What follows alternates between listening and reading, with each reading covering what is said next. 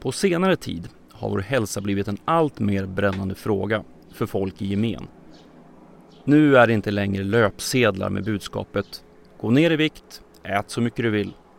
Nu är istället fokus på påstådda superråvaror, magiska metoder och farliga råvaror eller tillsatser. Socker är farligt. Nej, fett är farligt. Vänta, gluten. Eh, aspartam är farligt. Men de här metoderna och råvarorna ska inte bara se till att hålla oss friskare utan till och med hjälpa oss att bota till exempel cancer eller aids. Och den här kunskapen försöker naturligtvis myndigheter och eller läkemedelsbolag hålla hemligt. Och det är på grund av anledningar? För när det kommer till hälsa och vård så finns det en uppsjö med konspirationsteorier men med en mer akut känsla av utsatthet hos de troende. Om du tror att, eh, säg CIA mördade Kennedy påverkar inte det ditt dagliga liv direkt.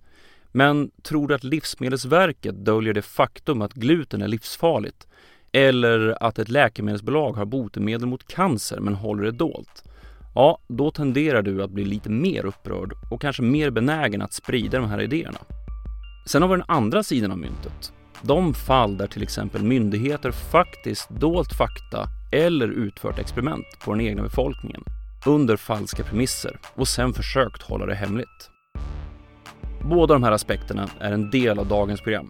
Jag heter CJ Åkerberg och ni ska vara friskförklarade till det här avsnittet av Kvalificerat Hemligt.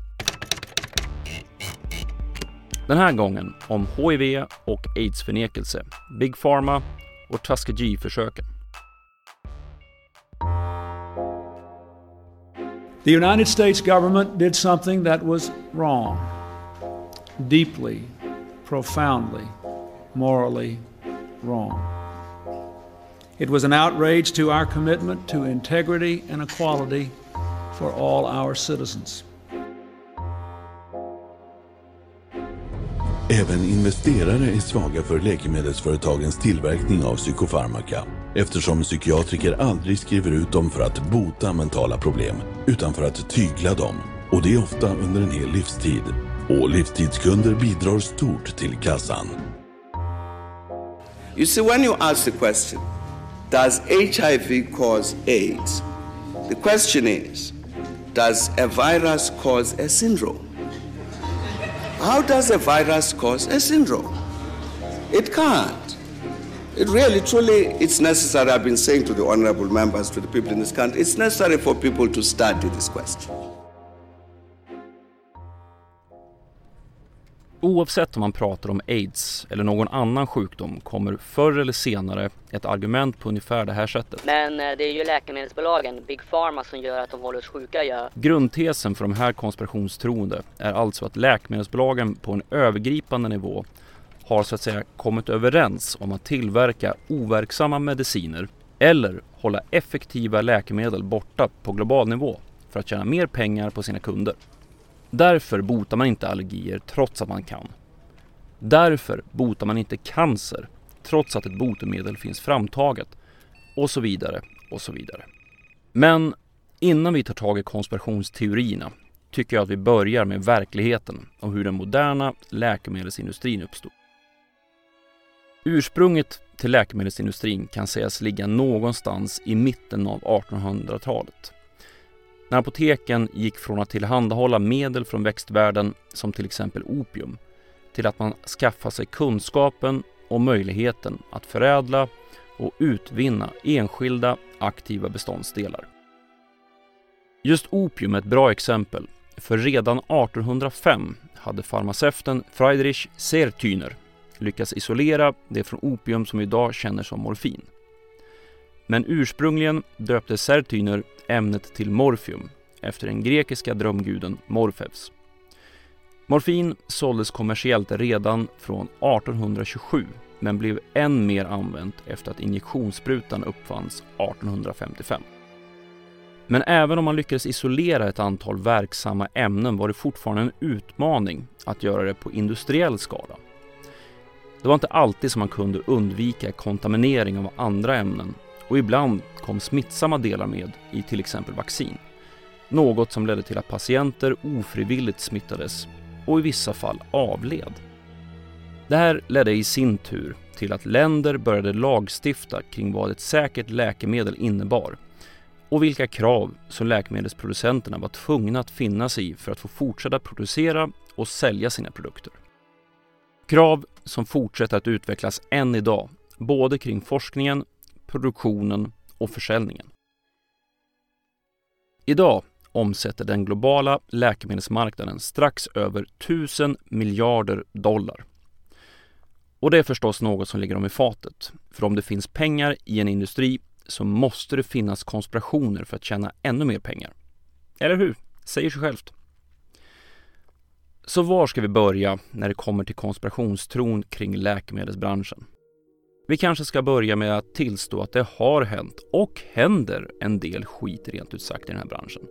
Mutbrott, förfalskade studier, försök att påverka politiker i rätt riktning och försök att sälja tveksamma produkter är bara några exempel.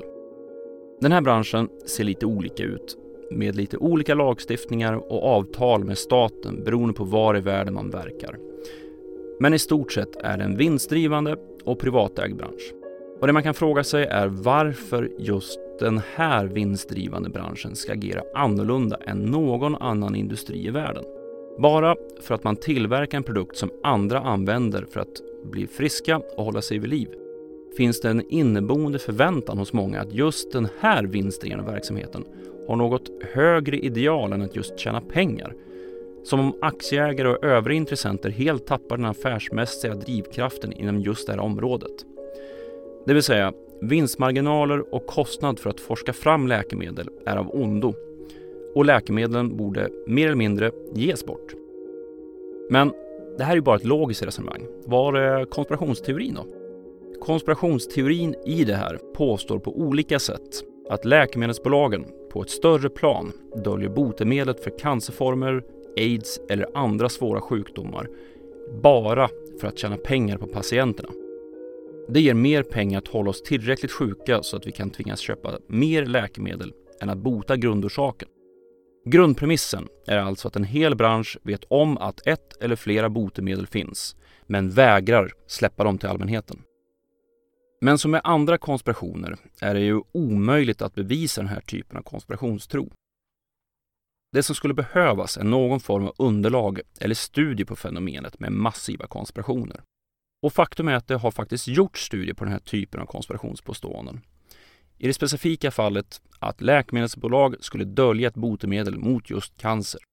I studien On the viability of conspiratorial beliefs, fritt översatt om bärkraften i konspiratoriska övertygelser av David Robert Grimes påvisar Grimes det svåra i att dölja stora konspirationer, vilket man får säga att dölja ett botemedel mot cancer faktiskt är.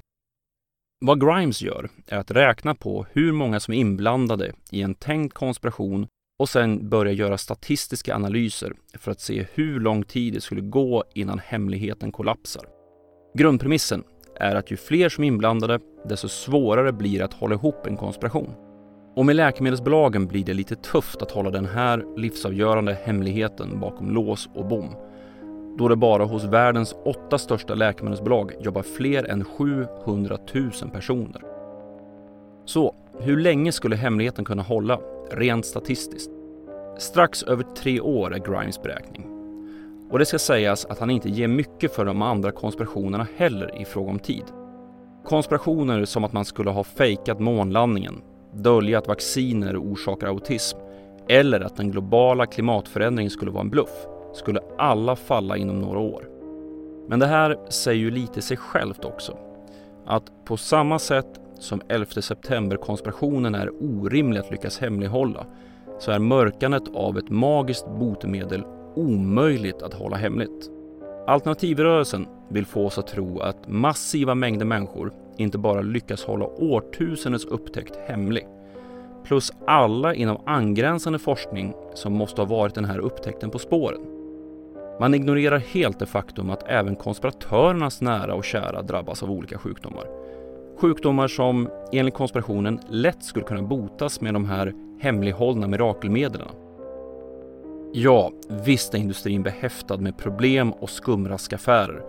Men precis som med andra verkliga konspirationer är fokuset världsliga ting som att maximera sin vinst i slutändan. Inte att sitta på botemedel mot sjukdomar som plågar mänskligheten och låtsas som om det regnar.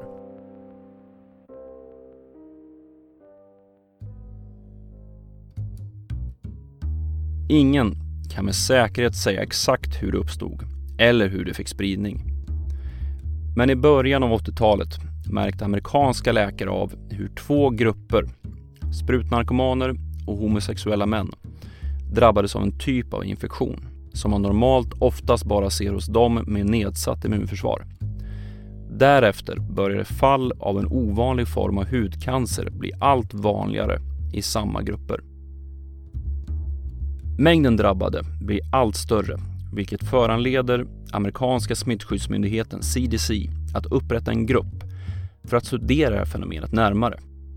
Utan att veta riktigt vad det är för smitta man har att göra med får den för tillfället samlingsnamnet 4H baserat på första bokstaven för de engelska termerna för heroinister, blödarsjuka, homosexuella och haitier.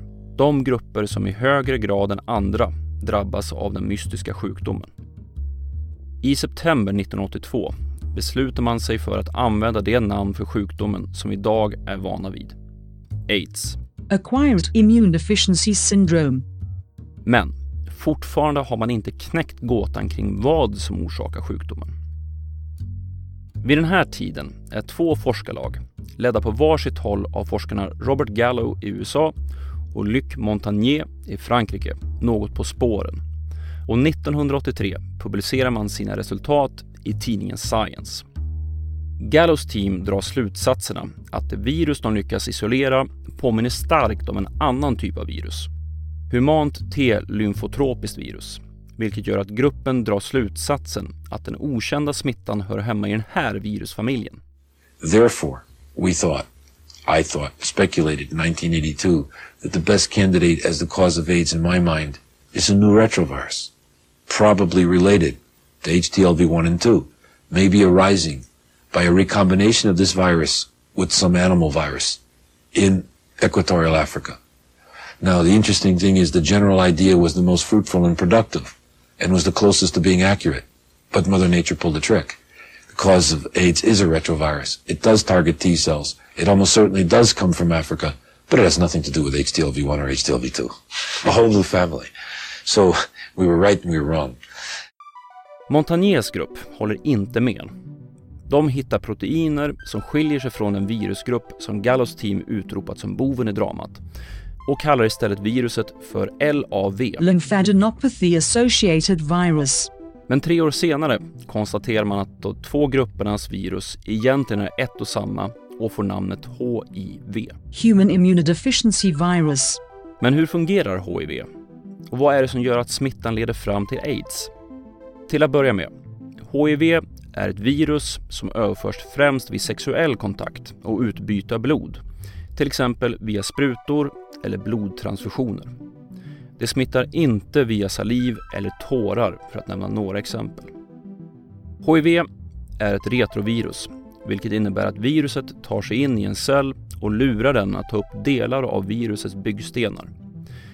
Det innebär att den smittade cellen i slutänden börjar producera proteiner som kan bygga fler virus av samma sort. Specifikt för HIV så angrips människans immunförsvar och viruset förstör de så kallade CD4 plus T-cellerna.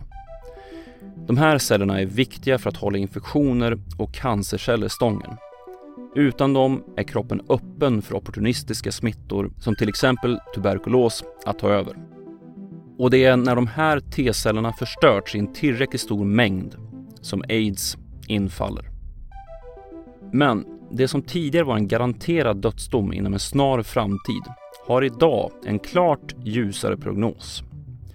Med rätt sorts medicinering kan den som drabbats av sjukdomen leva i stort sett ett fullgott liv, om än med en kronisk sjukdom. Så vad finns det för konspirationsteorier kring det här? Det är väl självklart att kopplingen HIV och aids är etablerad och fastslagen. Eller? Ja, ni anar väl var jag är på väg med det här, eller hur? För tyvärr finns det grupperingar som inte bara anser att HIV och dess spridning är en konspiration. utan också att kopplingen mellan HIV och aids inte finns överhuvudtaget. Det i sin tur leder till att de övertygar en del redan sjuka om att sluta med sin medicinering. Något som är rakt av dödligt för HIV-smittade. Den här förnekelserörelsen uppstod i stort sett samtidigt med upptäckten av HIV-viruset och hur aids uppstår. 1984, samma år som HIV studeras och presenteras som orsaken bakom aids, publiceras artikeln The Group Fantasy Origins of AIDS i tidskriften Journal of Psychohistory, skriven av psykiatern Kasper Schmidt. I sin artikel påstår Schmidt att den här sjukdomen egentligen är ett exempel på epidemisk hysteri. Att det är sociala konflikter som tar sig det här uttrycket omedvetet.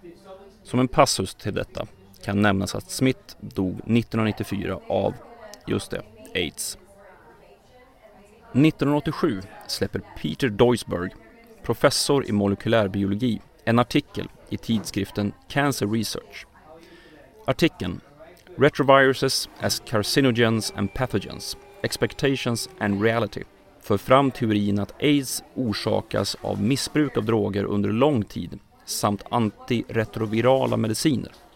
Alltså de bromsmediciner som används för att dämpa HIV-virusets framfart. HIV är enligt professorn bara en ofarlig virustyp som fått skulden för aids. Dewsburys tankar har bemötts och motbevisats ett otal gånger och kan idag ses mer i klass med påståenden som att jorden är platt än genuina vetenskapliga teorier. Men tyvärr har de haft tillräcklig livskraft för att anammas av inte bara konspirationstroende utan också av stater. Sydafrika tillhör de stater som tog till sig Dewsburys tankar och lät bli att sätta in verksamma läkemedel med lidande och stort antal dödsfall som följd. Men tillbaka till tidslinjen och aids historia. Vi är framme vid 1988 och det är nu som amerikanska National Academy of Science slår fast kopplingen mellan viruset HIV och sjukdomen aids. Trots det här konstaterandet, eller kanske tack vare, ökar mängden alternativa teorier om HIV och aids, både bland aktivister och bland en del forskare. Då Afrika var den kontinent som drabbades hårdast började teorier luftas om att sjukdomen egentligen var skapad av CIA för att döda den svarta befolkningen i USA och i Afrika. Och det är här som kalla kriget och underrättelsetjänsterna från Sovjetunionen och Östtyskland, KGB samt Stasi kommer in i bilden. Den plan som sattes i verket kom att kallas för Operation Infektion. En operation som påminner obehagligt mycket om vad vi ser idag på flera håll kring falska och planterade nyheter. Återigen hoppar vi bakåt i tiden. Vi spolar tillbaka bandet till 1983 då den prosovjetiska indiska tidningen Patriot får ett brev från en anonym amerikansk forskare. Den påstådda forskaren hävdar att aids skapades vid Fort Detrick, amerikanska militärens centrum för biologisk krigföring.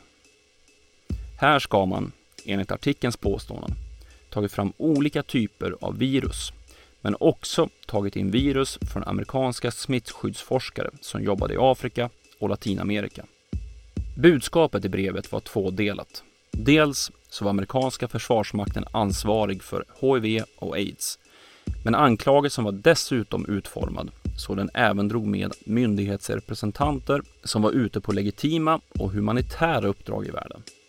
Nyheten får ingen större spridning och konspirationstanken blir inte en del av den allmänna diskussionen. Men det här, det är bara början. För från och med 1985 ökar man takten på spridningen av desinformation. Och en av grundbultarna för denna del av operationen blir en artikel från den sovjetiska forskaren Jakob Segal, boendes och verkandes i Östtyskland. Och hans artikel målar upp en klart mer ondsint och kalkylerande bakgrund för HIV-viruset. Om du åker norrut från Washington DC på riksväg 270, lite drygt 6 mil, kommer du till förorten Frederick. Och kör du av vid avfart 14 och fortsätter bara några hundra meter norrut på Rosemont Avenue, kommer fram till grindarna till Fort Detrick. Den här militärbasen var fram till 1969 centrum för USAs program för biologiska stridsmedel. Det här året skrev dåvarande presidenten Richard Nixon under Genèvekonventionen som uttryckligen förbjöd offensiv forskning på biologiska stridsmedel. The United States of America will renounce the use of any form of deadly biological weapons that either kill or incapacitate. Efter 69 får forskningen fortsätta, men då enbart ur ett defensivt perspektiv. Segal hävdar att det är vid det här militära centret som HIV skapats av amerikanska forskare på jakt efter ett kraftfullt biologiskt vapen. Forskarna ska ha kombinerat två virustyper för att skapa en ny, farligare virustyp. Det här skulle ha skett 1977 och testats på fångar.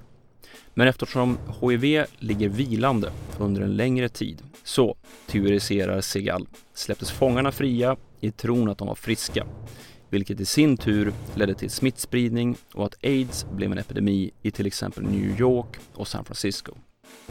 Men samtidigt är Segal förhållandevis ärlig i sin artikel. Att hans påståenden är antaganden och förutsättande och att han inte har konkreta bevis för mycket av det han påstår. Men det bekymrade inte KGB som nu såg till att sprida de här påståendena inom sovjetisk och prosovjetisk media. Och som så ofta tidigare använder man sig av ett klassiskt knep. Se till att plantera nyheten i media utanför Sovjetunionen först. När nyheten sen publiceras kan den egna pressen hänvisa till källan och uppvisa en propagandavinst som man inte hade, naturligtvis, något med att göra.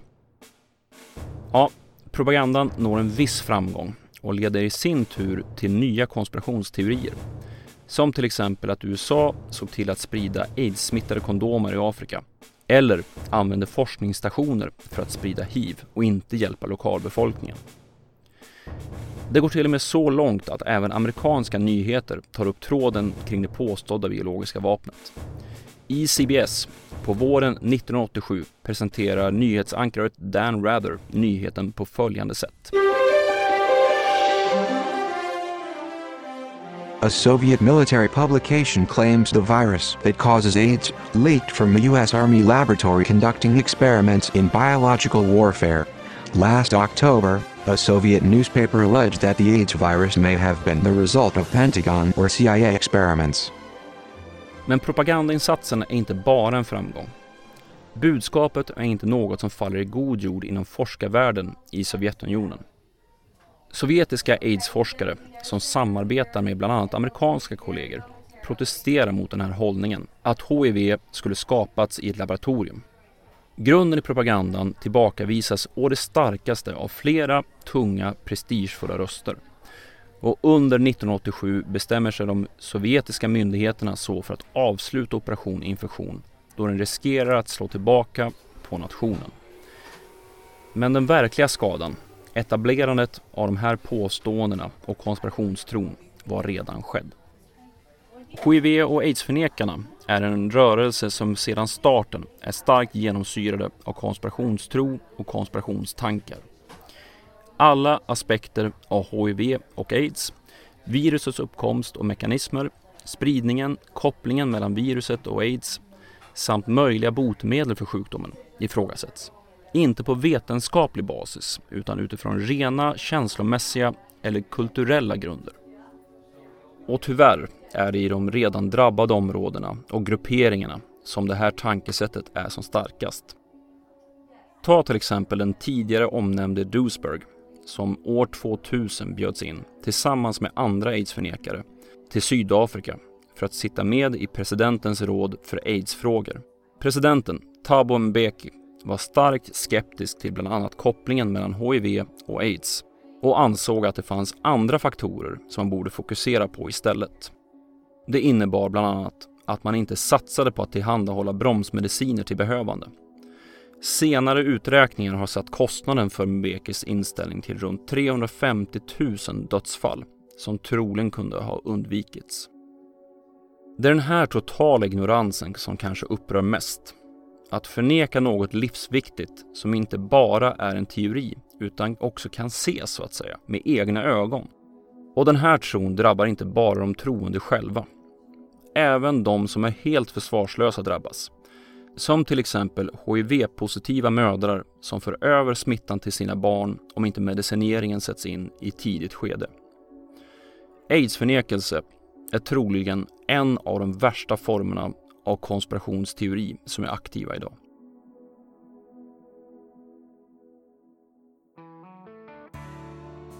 Cirka sex mil öster om Alabamas delstatshuvudstad Montgomery ligger Tuskegee, en liten stad på lite drygt 9000 invånare. En sak som utmärker staden är att den historiskt sett varit viktig för afroamerikaner. Redan 1881 startade en skola här för svarta som kom att bli det som idag heter Tuskegee University. 1923 etablerades Tuskegee Veterans Administration Medical Center, ett sjukhuscenter för de cirka 300 000 afroamerikaner från södern som deltog i första världskriget. Centret behövdes eftersom USA vid den här tiden var segregerat och offentliga inrättningar var uppdelade mellan svarta och vita. Staden och områdets koppling till den svarta kulturen är idag väldigt stark. Men det är inte därför som Tuskegee är känt för de flesta. Istället har det att göra med det experiment som löpte från 1932 till 1972 och involverade USAs folkhälsomyndighet, hemlighetsmakeri samt försök att hålla personer sjuka och som ledde fram till ett antal lagar som begränsar vad vetenskapliga studier får göra samt definierade vad deltagare behöver få veta när de deltar i kliniska försök. Men låt oss ta det här från början. 1932 etablerar amerikanska Folkhälsomyndigheten ett program för att studera obehandlad syfilis hos svarta män under 6 till 9 månader för att sedan studera behandlingsfasen. Vid den här tiden fanns det teorier om att olika folkgrupper drabbades olika varpå man kontrakterade 700 fattiga svarta jordbruksarbetare för att studera närmare. 399 ingick som försökspersoner och 201 personer ingick i kontrollgruppen. I utbyte mot att delta i försöken får männen fri hälsovård och gratis begravning mot att de skriver under på att deras kroppar ska genomgå en obduktion. Men deltagandet innebär inte bara att man lämnar blodprov och får eh, blodtrycket taget. Utöver vanliga kontroller ingick också provtagning av ryggmärgsvätska. En smärtsam procedur som troligen få frivilligt skulle ställa upp på. Men försöket skickade ut en uppmaning via posten där deltagarna fick veta att det här var sista chansen för en gratis hälsogenomgång. Således börjar forskargruppen redan här med att mörka syftet med insatsen. Att provtagningen av ryggmärgsvätska var för att undersöka närvaron av syfilis. Men det var inte enda gången försöksdeltagarna fördes bakom ljuset. Tanken var som sagt att först studera den här gruppen med smittade män under en tidsperiod för att sen sätta in en behandling. Vid början av projektet hade man fortfarande inte börjat använda penicillin mot syfilis utan behandlingen bestod av bland annat en kvicksilversalva och andra förhållandevis giftiga medel med låg effekt. Men att sätta in en botande behandling föll om intet när en av de finansierade organisationerna, Rosenwald Fund, drog tillbaka sitt stöd till studien på grund av sviktande ekonomi i efterdyningarna av börskraschen 1929 och den begynnande stora depressionen. Projektet stod nu utan finansiellt stöd för att behandla de sjuka männen. Man hade ingen behandling, men däremot kunde man fortsätta studien av männen och effekterna av männens obehandlade syfilis.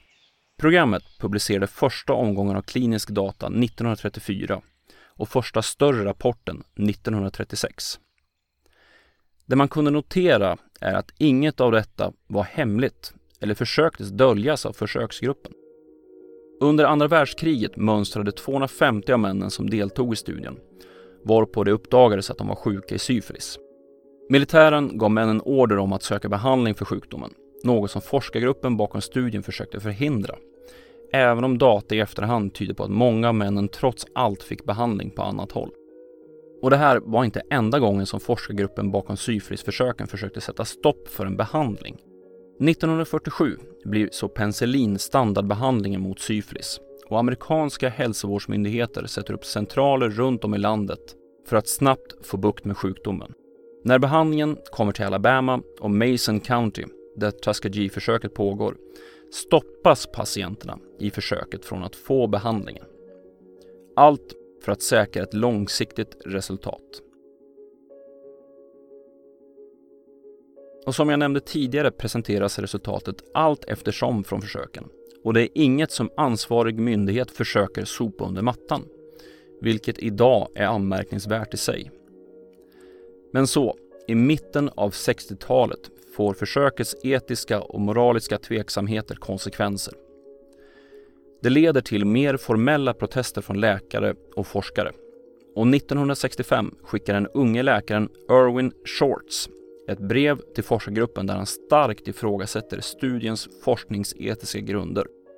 Brevet tas förvisso emot, men resulterar inte i någon åtgärd från försökets sida. Inte ens ett svar går tillbaka.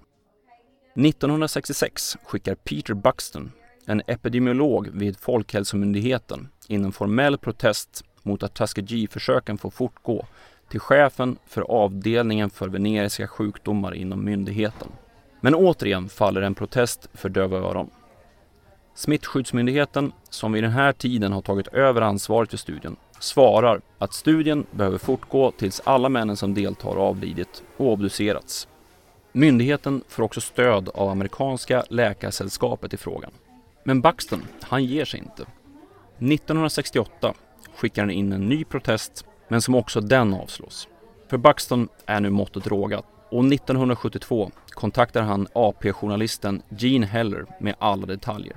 25 juli 1972 publiceras så tidningen Washington Star artikeln Syphilis victims in US study went and treated it for 40 years. Och dagen efter följer New York Times med samma nyhet. Och det dröjer inte länge förrän nyheten är på landets första sidor och det aktuella samtalsämnet, både inom media och inom politiken. Tack vare uppmärksamheten tillsätter myndigheterna en grupp som så att säga i efterhand ska bedöma rimligheten i studien om den var rätt uppsatt. Gruppen kommer fram till att det inte finns några medicinska skäl att fortsätta med försöken och man beordrar en nedstängning av studien. Och när försöket stängs ner samma år lever fortfarande 74 av de 399 männen. Men kostnaden har varit hög. 28 av männen har avlidit i sviterna av syfilis 40 fruar till männen har smittats med sjukdomen. Men vad värre är, är också att 19 barn har fötts med kongenital syfilis, det vill säga olika nivåer av medfödda skador på grund av moderns syfilis. Amerikanska staten stäms av medborgarrättsrörelsen NAACP. Och man går med på att betala ett skadestånd på 9 miljoner dollar i dåtidens värde samt erbjuder fri hälsovård till deltagarna och deras drabbade familjemedlemmar. Utöver en direkt ersättning till deltagarna resulterar också avslöjandet i att myndigheterna sätter upp ett antal lagar som styr hur man får utföra försök på mänskliga deltagare samt hur man ska informera, hur man ska hantera diagnoser och medgivanden.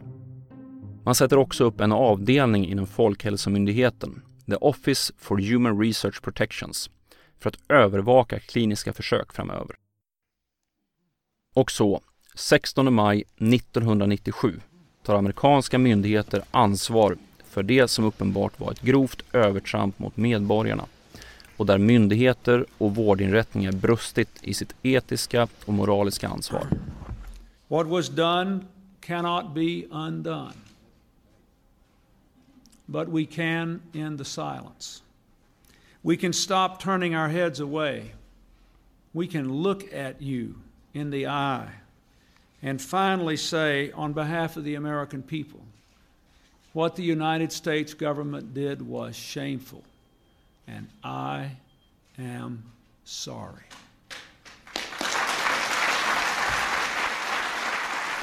President Bill Clinton har bjudit in de överlevande från Tuskegee-försöken till Vita huset för en ceremoni där amerikanska staten erbjuder en formell ursäkt. Men oavsett ursäkter och skadestånd så lever arvet från Tuskegee-försöken kvar. Hur stor den här påverkan är, är svår att riktigt slå fast. Under förhållandevis lång tid drog studier slutsatser att försöken hade påverkat afroamerikaners inställning till myndigheter och folkhälsofrågor negativt i gemen. Men på senare tid har den här bilden ifrågasatts något. Det ser inte ut att vara riktigt så enkelt som att en särskild folkgrupp blivit mer misstänksamma mot myndigheter på grund av det som skedde i Tuskegee i sig, utan att det krävs mer komplexa förklaringar. Men liksom med till exempel de verkliga konspirationerna kring MK Ultra och CIAs användning av LSD på den egna befolkningen så blir Tuskegee-försöken en sorglig påminnelse att vissa forskare och tjänstemän är beredda att gå väldigt långt för att pröva sina hypoteser. Samtidigt blir det en än sorgligare påminnelse om hur enkelt den här typen av verkliga övertramp översätts till en rad fiktiva påståenden och tas som intäkt för att enorma konspirationer i detta nu har iscensatts av amerikanska staten och andra aktörer.